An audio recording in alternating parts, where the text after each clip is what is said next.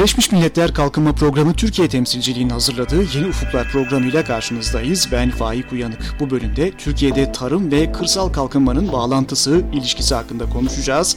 Ve konuğum da Ankara Üniversitesi Ziraat Fakültesinden Tarım Ekonomisi Bölümü öğretim üyesi Profesör Doktor Bülent Gülçubuk. Hoş geldiniz. Hoş bulduk. Teşekkür Siz ederim. aynı zamanda Ankara Üniversitesi'nde yine Kalkınma Çalışmaları Uygulama ve Araştırma Merkezi'nin müdürüsünüz. Doğru. Akçam diye de kısaltabiliyoruz bu merkezin kısa ismini. Bülent Bey küresel olarak dünya yoksul nüfusunun %75'ini de kapsayan 3 milyar kişi kırsal bölgelerde yaşıyor. Türkiye'ye baktığımız zaman da her 4 kişiden biri kırsal kesimde yaşıyor ve bu kesimin de elbette en önemli geçim kaynağı tarım. Bu anlamda tarım ve kırsal kalkınma arasındaki ilişkiyi açıklar mısınız? Tabii aslında sizin vurguladığınız gibi kırsal alandakiler sadece tarıma bağlı bir yaşam sürdürmek zorunda kalıyor dünyanın genelinde. Aslında bizim amacımız kırsal alanda tarım dışı istihdam alanları da yaratabilmek ama bu anlamda dünyada pek de başarılı olmuş bir proje veya ülke yok. Şimdi dünyada sizin de vurguladığınız gibi nüfusun %75'i yoksul kırsal alanlarda yoksul olanların %75'i kırsal alanlarda yaşıyor. Bu şöyle bir kavram ortaya çıkarıyor yoksulluğun kırsallaşması gibi bir kavramı dünyada ortaya çıkarıyor. Burada aslında bir de dramatik sonuç var. O da nedir? Kırsalda yaşayıp ürettiğini tüketemeyen bir yapı var. Kırsaldakilerin geçim kaynağı tarım fakat kendi ürettiklerini tüketemeyen bir yapı var. O da neyle sonuçlanıyor? Yoksulluk ve açlıkla. Dünyada şu anda yaklaşık 1.2 milyar nüfus açlıkla pençeleşiyor. Bu 1.2 milyar nüfusun da 1 milyarı kırsalda yaşıyor ve tarımla uğraşıyor. Şimdi bu biz e, paradigma olarak ters bir yapı ortaya koyuyor. Türkiye açısından baktığımız zaman da Türkiye'de de nüfusun vurguladığınız gibi yaklaşık %25'i idari statü anlamında kırsal alan, alanda yaşıyor. Fakat Türkiye'deki yoksulların da yaklaşık %75'i gene kırsalda. Maalesef kırsalda. Kentsel alanlarda yoksulluk %8-9'larda ama kırsala gittiğiniz zaman %35-36'larda. E kırsaldakiler neyle geçinmeye çalışıyor? Tarımla. Demek ki Türkiye'de ve dünyada kırsal alanda tarım tek başına bir geçim kaynağı olmaktan uzak. Yapacağımız nedir? Kırsal alanda tarıma dayalı sanayi geliştireceğiz. Kırsal sanayi geliştireceğiz. Tarım dışında bu insanlara istihdam alanları yaratacağız.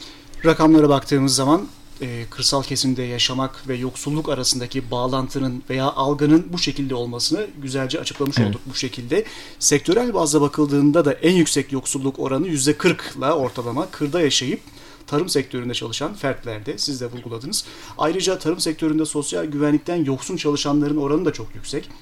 En yüksek yoksulluğun, yoksulluk oranının tarım sektöründeki fertlerde olmasının sebebi nedir size göre? Çok güzel. Şimdi şu anda Türkiye'deki yoksul nüfusun %75'i tarımda yaşıyor ama bu biraz da milli gelirle ilgili bir olay. Şimdi nedir milli gelirle? Türkiye'de kişi başına yaklaşık 11 bin dolar gelir düşüyor. Milli gelir kişi başına. Kırsal alana gittiğiniz zaman bu 3500 dolara düşüyor. 3500 dolar da ortalama bir rakam. Türkiye'deki tarım işletmelerinin yaklaşık %90'ın küçük işletme olduğunu düşünürseniz bu %90'ı küçük işletme için milli gelir 2000 doların da altına düşüyor. Peki neden? İşte cevabı aslında az önceki kavramın içinde saklı. Küçük işletmecilik Türkiye'de yaygın. Nedir o? İşletme başına 100 dekarın altında olan işletme sayımız %90'dan daha fazla. E bunlar küçük üretici. Gerekli girdileri elde edemiyorlar. Pazara yönelik üretimde bulunamıyorlar. Tasarruflarını üretim anlamında değerlendiremiyorlar. İşletme büyümediği için de kronik bir yoksulluğa mahkum kalıyorlar. Aslında biz son zamanlarda şöyle bir kavram üzerinde de duruyoruz. Kırsal alanda yoksulluk %35 bandına oturdu. Bir türlü de azaltamıyoruz birçok politikara rağmen. Neden? Bir, kırsalda nüfus yaşlanması var. Yaşlanan nüfus üretim araçlarını yeteri kullanamıyor. Bir de küçük işletmecilik yeteri kadar girdi kullanımında etkin olamıyor. yoksulluk döngüsünün içinde Aslında yoksulluk kendini yeniden üretiyor. Evet. Bir anlamda. Aslında kırsal kalkınma veya kalkınma dediğimizde işin içine sağlık girer, eğitim girer, altyapı girer. Ee, ama burada elbette tarım faktörü öne çıkıyor gibi görünüyor. Tarım ve kalkınma arasındaki bağlantının dolayısıyla bu programın konusu olmasını da bu şekilde açıklayabiliriz. Bu programa katkıda bulunmak isteyenler, bizi dinleyenler Yeni Ufuklar etiketiyle Twitter üzerinden görüşlerini aktarabilirler. Bu arada Akçam'ın yani Ankara Üniversitesi Kalkınma Çalışmaları Araştırma Merkezi'nin web sitesine de akçam.ankara.edu.tr üzerinden ulaşılabilir. Bunu da vurgulayarak bir sonraki konuya geçelim. Sor, e, soruya geçelim. Ama bir noktaya izin verirseniz vurgulamak Buyurun. istiyorum. Sosyal güvenlikle ilgili bir noktaya geçmememiz gerekiyor. Tabii, tabii. Şimdi Türkiye'de yaklaşık kayıt dışı çalışan nüfus oranı istihdamda %45-46. Bunlar TÜİK'in resmi rakamları. Fakat şu anda kırsal alanda tarımda kayıt dışı çalışma oranı yaklaşık %90 kadınlar açısından bakıyoruz bu yüzde 98.5'e yani tarımda çalışan kadınların yüzde 98.5'i kayıt dışı çalışıyor. Kayıt dışı da sosyal güvenlik sistemin içine dahil olmama demektir. Öbür taraftan erkeklere bakıyorsunuz. Bunların da yaklaşık yüzde 84'ü kayıt dışı ve sosyal güvenlik sistemin içerisinde değil. Yani kırsaldaki yoksulluğu vurguladığınız zaman aslında ortaya çıkan bir çıktı da bireyin geleceğini güvence altına almadan, garanti alma, altına almadan yaşamını sürdürmesi demektir. Bu da biraz bizim Birleşmiş Milletler'de bin yıl kalkınma hedeflerinde üzerinde durduğumuz insana yakışır iş, insana yakışır ortam anlamında pek de iyi bir ortam olarak karşımıza çıkmıyor. Siz Birleşmiş Milletler'in Türkiye'deki projelerinde danışmanlık yapmış birisiniz. Bunu da altını çizelim. E, kırsal nüfusun karşılaştığı en büyük güçlüklerden biri de Bülent Bey erken yaşlarda tarım piyasasına giren çocukların eğitimlerini tamamlayamaması ve yeterli iş becerilerine elbette e, sahip olamamaları bu yüzden. Tarım ve kırsal kalkınma ilişkisinde siz bu durumu, eğitim konusunu ve kendini Tabii. geliştirme konusunu nereye koyuyorsunuz? Şimdi aslında eğitim sadece işte 8 yıllık veya 4 artı 4 yıllık bir eğitimi tamamlama olarak görmüyoruz bizler. Eğer eğitim bireyin hayatında kendisine yeni kapılar açmıyorsa, mesleki donanımına katkıda bulunamıyorsa, kendisini yarına hazırlayamıyorsa o eğitim sadece nicel olarak kağıt üzerinde okuma yazmadan ibaret kalıyor. Şimdi ben size bir tek bir rakam vereyim. Başlangıcında programda dediniz ki her 4 kişiden biri kırsal kesimde bunların yüzde 75'i de e, yaklaşık yüzde 35'i yoksul. Dünyadakilerin yüzde 75'i yoksul dedik.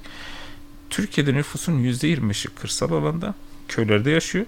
Fakat üniversitelerde okuyan çocukların sadece yüzde biri şu anda köy çocuğu. Nasıl bir yapı ortaya çıkıyor? Ciddi bir eşitsizliği ortaya çıkartıyor. Burada şunu çıkarıyor. Türkiye'de mavi yakalılar kırsaldan çıkıyor, beyaz yakalılar kentlerden çıkıyor. Bu da gelecek aslında aslında önemli bir sosyolojik sorun olarak bakıyoruz. Şimdi kendisini geliştirmek isteyen, tarım dışında iş, iş bulmak isteyen kesim eğer yeterli eğitim almadıysa yaşam boyu tarıma yine mahkum oluyor. Sosyal hareketlilik açısından da zayıf kalıyor. Tabii başka nokta var. Kırdan kente göç aynı zamanda kentteki iş gücü aslında da bir tehdit oluşturuyor. Neden? Kırdan gelen kişi en ucuz ve en kalifiye olmayan işlerde çalışmaya hazır kesim. Bu sefer de kentteki diyor ki sen benim diyor iş gücünde diyor para miktarını aldığım ücret miktarını düşürüyorsun. Çatışma ortamı başlıyor bu sefer. Buna da emek çatışması. Bu tabii sadece Türkiye'nin değil benzer e, ölçekteki pek çok ülkenin işte problemi. Önlemini bu kısır alamayan döngü, her ülke açısından bu bir kısır sorun. döngü kırılmadan da gerçek insani gelişmenin sağlanamayacağının vurgulanması gerekir. Türkiye'de kırsal kesimde e, tarımın ve kalkınmanın önündeki en büyük engeller nedir diye soracağım. Bir kısmını zaten tarif ettiniz. Nasıl bir e, tarımsal büyüme, kırsal kalkınmayı sağlayabilir? Evet. Şimdi aslında Türkiye'nin tarımsal büyüme açısından bir sorunu yok. İşte bizde kamu otoriteleri de çıkıyor karar vericiler. Dünyanın 6. büyük tarım ekonomisiyiz. Avrupa Birliği'nin 1. büyük tarım ekonomisiyiz diyor. Ama büyüme hem ülke genelde hem de kırsal alanda kalkınma açısından ortaya bir sonuç doğurmuyor. Az önce de söyledik. Dünyanın 6. büyük tarım ekonomisiyiz ama kırsaldakilerin aldığı ortalama milli gelir ülke ortalamasının üçte biri bile değil. Demek ki biz kalkınmayı tabana yayamıyoruz. Kalkınmayı tabana yaymamız için ne lazım? Bir bireyin hayatında gerekli olan aslında biraz da işte ihtiyaçlar hiyerarşisine baktığınız zaman eğitimi götüreceğiz, sağlığı götüreceğiz, altyapıyı götüreceğiz, yaşanabilir çevreyi götüreceğiz, örgütlenmeyi götüreceğiz ki bu büyüme aynı zamanda kalkınma olarak karşımıza çıksın. Ha, ülkenin sorunu eğer büyümeden ibaret olsaydı Türkiye son 10 yılda dünya ortalamasının üzerinde bir büyüme elde ediyor. Fakat işte sizin de içinde yer aldığınız kurumun insani gelişmişlik endekslerine göre Türkiye 90-92. sıralarda yer alıyor. 92 evet. Demek ki büyüme kalkınma yansımıyor. O zaman ne yapacağız biz? Kırsal alanda küçük üretici için girdileri destekleyecek mekanizmalar. Onun orada yaşamını kolaylaştıracak sosyal faaliyetler. Özellikle eğitim ve sağlık anlamında. Daha sonra gençlik ve kadın programlarını uygulayarak bunları mesleki becerilerle donanmış birer biri haline dönüştürmemiz lazım ki büyüme kalkınmaya dönüşebilsin. Sizin aynı zamanda 10. E, kalkınma Planı'nın Türkiye'deki Kırsal Kalkınma İhtisas Komisyonu Başkanlığı'nı da yürüttüğünüzün altını çizmek gerekir. E, son bir soru, gıda güvencesi meselesi önemli. Gıda güvencesi sorunu ve kaynakların yetersizliği özellikle tarımda çalışan kesim için hayati bir önem taşıyor ve bu 2015 sonrası kalkınma gündeminin de parçası olacak gibi görünüyor. Siz bu durumu özellikle Türkiye için nasıl değerlendiriyorsunuz? Şimdi aslında dünyada daha çok gıda güvenliği kavramı tartışılıyor ama gıda güvenliği biraz daha üst bir kavram. Nedir o? Sağlıklı, standartlara uygun, kaliteli tüketim için gıdaya erişim. Ama Türkiye gibi ülkelerde yoksulluğun özellikle kırsalında çok olduğu yerde öncelikle gıda güvencesi ortaya çıkıyor. Nedir o? Bireyin karnını doyuracak kadar da olsa gıdaya erişebilme koşulu demektir. Türkiye bu açıdan bakıldığında dünyada hem şanslı hem şanssız. Şanslı çünkü Türkiye'de açlık sınırında yaşayan bireylerin oranı giderek azalıyor. Şanssız ama 12 milyon bireyimiz sağlıklı gıdaya erişebilme açısından zorluk çekiyor. Bu 12 milyon da büyük çoğunluğu maalesef kırsal alanlarda yaşıyor. Yine TÜİK'in bir rakamları var. Orada da diyor ki yaklaşık 23 milyon nüfusumuz yoksulluk tehdidi altında. Yoksul veya yoksulluk tehdidi altında. İşte bunlar için gıda güvencesi kavramı daha fazla ön plana çıkıyor. Az önce de vurguladık. Dünyanın altıncı büyük tarım ekonomisi, Avrupa Birliği'nin birinci büyük tarım ekonomisinde bunların konuşulmaması gerekiyor. Demek ki bizdeki tarımsal büyüme kalkınmaya yansımadığı sürece biz gıda güvencesini, açlığı, yoksulluğu, dışlanmışlığı, kadın açısından sosyal güvencesizliği konuşmaya devam edeceğiz. Çok teşekkürler Bülent Gülçubuk. Konuğumuz Ankara ben Üniversitesi Ziraat Fakültesinden Profesör Doktor Bülent Gülçubuk'tu ve Birleşmiş Milletler Kalkınma Programı UNDP Türkiye temsilciliğinin hazırladığı Yeni Ufukların bu bölümünde sonuna gelmiş oluyoruz. Programı Ankara Üniversitesi İletişim Fakültesi Radyosu Radyo İLEF'te hazırladık. Programımıza podcast formatında iTunes üzerinden, İstanbul'da FM bandında ve internette Açık Radyo'dan, 50'ye yakın ilde Polis Radyosu'ndan ve yayın ağımızdaki üniversite radyolarıyla undp.org.tr adresinden ulaşabilirsiniz. Sosyal medya üzerinde kullanıcı adımız UNDP Türkiye. Tekrar görüşmek dileğiyle, hoşçakalın.